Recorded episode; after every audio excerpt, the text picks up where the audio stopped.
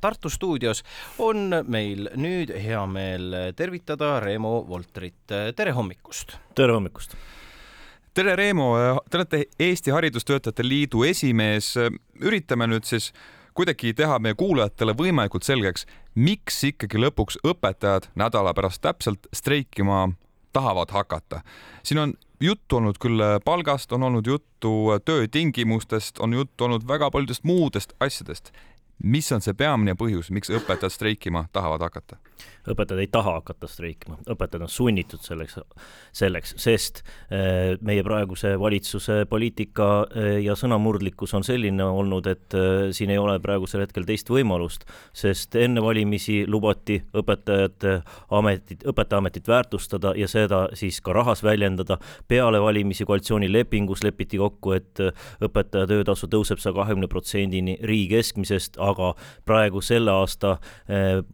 tendents on hoopis vastupidine, ehk see õpetaja eh, palk mitte ei lähene sellele, eh, sellele eesmärgile, vaid hoopiski kaugeneb sellest. Ja eh, miks see nii oluline on, on sellepärast just, et õpetaja, meie praegune õpetajate olukord on selline, et õpetajaid ei tule juurde, kvalifitseeritud õpetajaid ei tule juurde, õpetajate,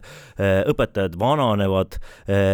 keskmine vanus kogu aeg tõuseb ja aina suureneb nende õpetajate arv, kes ei vasta kvalifikatsioonile, see tähendab, et meie väga hea haridus on ohus ja juba viie aasta pärast kindlasti, kui see tendents jätkub, meil ei ole enam eh, piisavalt kvalifitseeritud õpetajaid ja seega siis tegelikult ei ole juba praegu ja seega siis meie õp-, lapsed, õpilased ei saa enam head haridust. Ja see on see, mille pärast me oleme sunnitud eh, streikima, et valitsus saaks aru selle olukorra tõsidusest ja võtaks ette selle sammu, et päästa meie haridus ja eh, seda siis väljendada ka rahaliselt, nii nagu on lubatud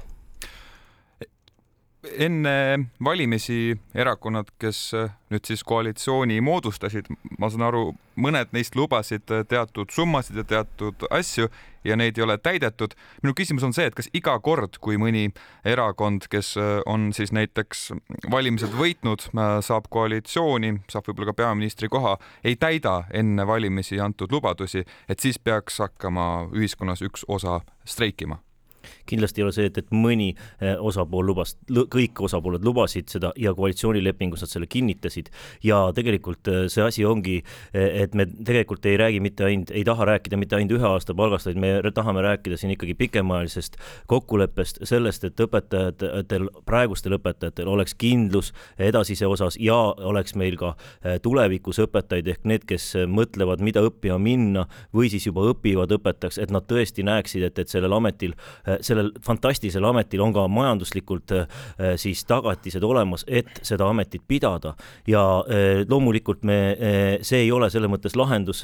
pikas perspektiivis, et iga natukese aja streikida ja seda Eestis ei tehta ka, aga just ma räägingi, et kuna olukord on nii katastroofiline, et, et meie hea haridus on ikkagi väga selgelt praegu ohus ja iga aastaga see tendents suureneb, siis selle tõttu tuleb see asi ära lahendada. Ja sellest tulenevalt me tegelikult praegu oleme püüdnud igat, igati läbi rääkida, alustades juunikuus läbirääkimisi, õpetajad on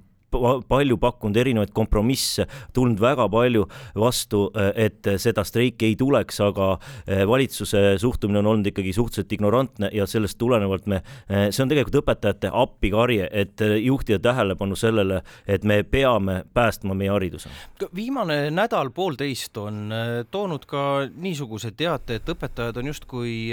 oma nõudmisi muutnud, kas see vastab tõele või, või kas saate natuke nii-öelda valgust heita sellele lausele nendele pealkirjadele. Äh, no tegelikult on aastakümneid juba räägitud, et õpetaja töötasu peab algama riigi keskmisest, sest Eesti õpetaja on ikkagi magistriharidusega spetsialist ja me alustasime ka läbirääkimisi sellest, et me eh, siis ütlesimegi, et, et me soovime, et selleks aastaks õpetaja töötasu algaks riigi keskmisest ehk siis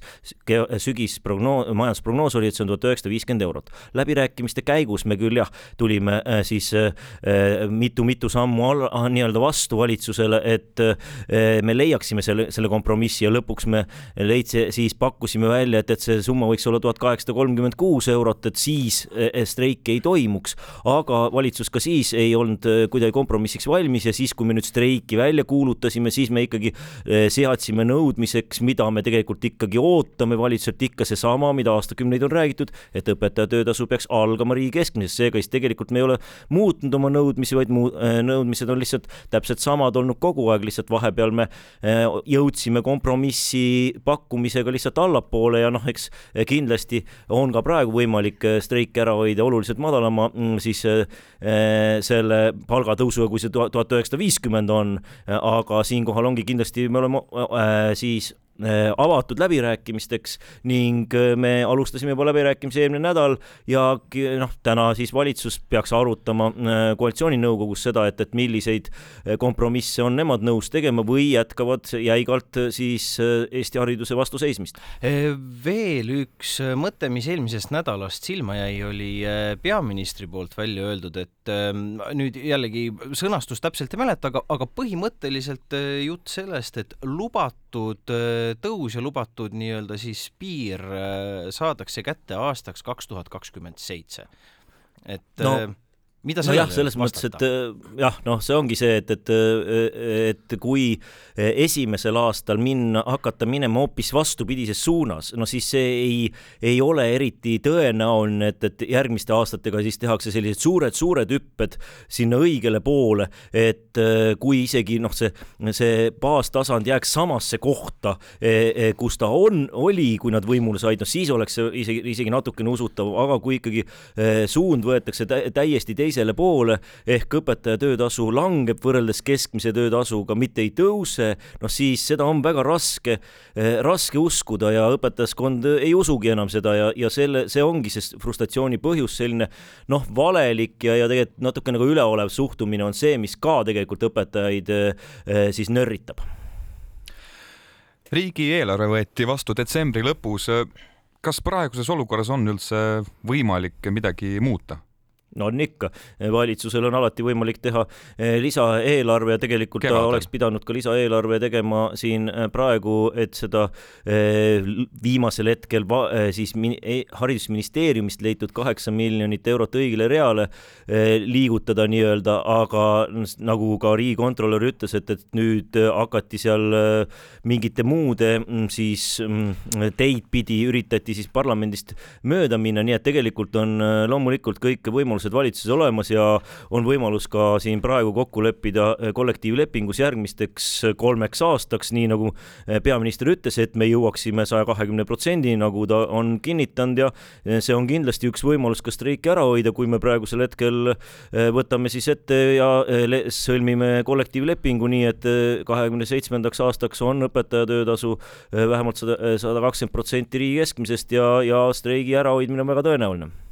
härra Voltri, kas te täna saate öelda täie kindlusega, et streik tuleb? no äh, selles mõttes, et kui valitsus äh, ei leia kompromissi, siis praegusel hetkel on kõik seadusega nõutud sammud tehtud, streigijuhid, kontaktisikud on asutustes valitud ja enamikes kohtades kas on või kohe selle nädala alguses ka teatatakse siis asutuste juhtidele, kui paljud streigivad, ilmselt enamustes asutustes enamus töötajaid streigib ja siis ka streigi pikkus, et osades kohtades võib-olla ei eh, olda valmis eh, just laste huvidest tulenevalt noh, siis tähtajatust streikima, siis tuleb ka, kui teatakse, et, et vähem streigitakse, tuleb see juhile öelda, aga praegu, praeguse teadmise järgi, kui valitsus midagi ei muuda, siis esmaspäeval hakkab õpetajate tähtajatu streik ja siis me kindlasti ka jätkame, meil on juba kokku lepitud, kui streik algab, igal siis esmaspäeval peale siis Tallinnas toimuvat toimuvat eh, miitingut või see meeleavaldust, mis Toompeal toimub kell kümme, et pärast seda me saame jälle siis ministriga kokku ja jätkame läbirääkimisi, kui me oleme sinna sunnitud jõudma, aga see on puhtalt valitsuse kätes praegu. ma tulen lõpetuseks tagasi nii-öelda selle juurde, millest me alustasime ehk ja, ja võtame sellesama meeleavalduse nii-öelda kontekstiks siis või, või, või pilti, et mis on siis suurema osa õpetajate plakatitele maalitud, kas tahan palka, lõpetage valetamine või noh, mis on see üks konkreetne asi, millest me ikkagi räägime? no tegelikult me räägime ikkagi selline õpetaja ameti väärtustamisest, mis algab ikkagi äh, suuremast äh, töötasust ehk konkurentsivõimelisest töötasust, sest õpetaja on magistriharidusega spetsialist ja mm -hmm. me mhm. peamegi võrdlema õpetajate äh, töötasu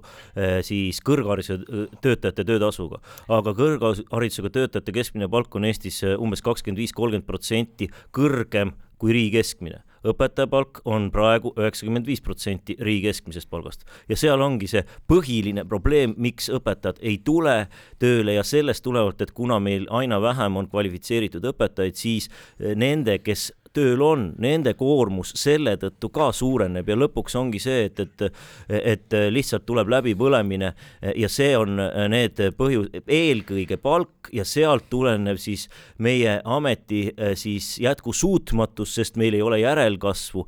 ja siis ka see frustreerumine sõnamurdlikkusest, need on nagu need põhilised põhjused, aga põhiline põhjus on see, et, et õpetajad muretsevad Eesti hariduse tuleviku pärast.